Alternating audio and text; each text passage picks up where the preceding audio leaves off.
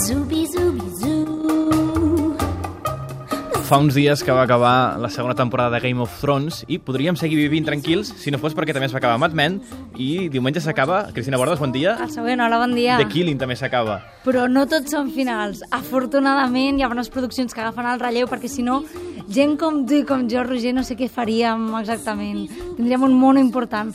Però abans de tot deixem aplaudir aquesta cinquena temporada de la joia d'AMC Mad Men que va acabar ahir la seva uh, cinquena temporada i que, com ja va fer la quarta, ens ha deixat en silenci una bona estona després de veure cada capítol amb capítols que jo dic que són com seasons finale perquè tenen una qualitat que en d'altres produccions només arriba cap al final o ni això. Per tu, Mad Men mai ha tingut una petita baixada de qualitat. És bona Per mi sempre. eh, va cap amunt. Va cap... I a més, és que Matthew Weiner el que aconsegueix és no decebre mai. I penso, si algun dia decep, potser no me n'adonaré perquè ni m'ho plantejo. Estàs hipnotitzada, és, ja. Exacte, estic Bé. enamorada, és emocionant i bé, una vegada més ens haurem d'esperar temps fins a, fins a la sisena, però Quan, com a quan? mínim no es farà esperar tant com aquesta, no està dit ni al mes, però vaja, no passarà un any i gairebé i mig com va passar en aquest cas.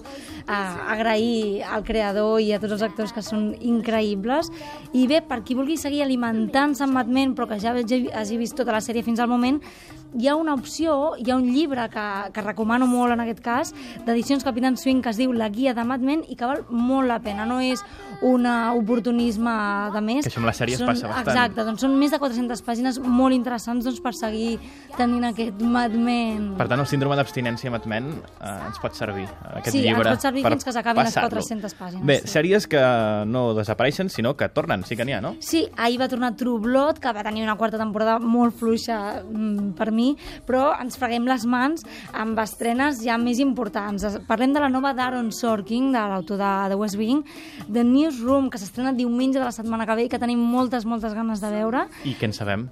Què en sabem? Vols ja saber ja l'argument? Home, és Ens de periodistes, és també- Sí, és un thriller periodístic, eh, centra en el presentador d'un noticiari doncs que es revela contra les pressions del canal, etc. Jo penso que potser tindrà un, un tint una mica The Hour, la britànica The Hour, un gran thriller periodístic també, i després... A l'estiu, que em sembla que no és temporada baixa de sèries, tampoc. No, no perquè mm, tornen trossos de sèries com la comèdia Louis el 28 de juny, per tant queda poquet, i el drama Breaking Bad, que el 15 de juliol, diumenge, tornarà a ser amb nosaltres, i quines ganes. És la més esperada de l'estiu, ho podem dir?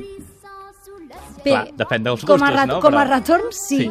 però com a estrena, The Newsroom segur. Molt bé, Cristina Bordes, gràcies.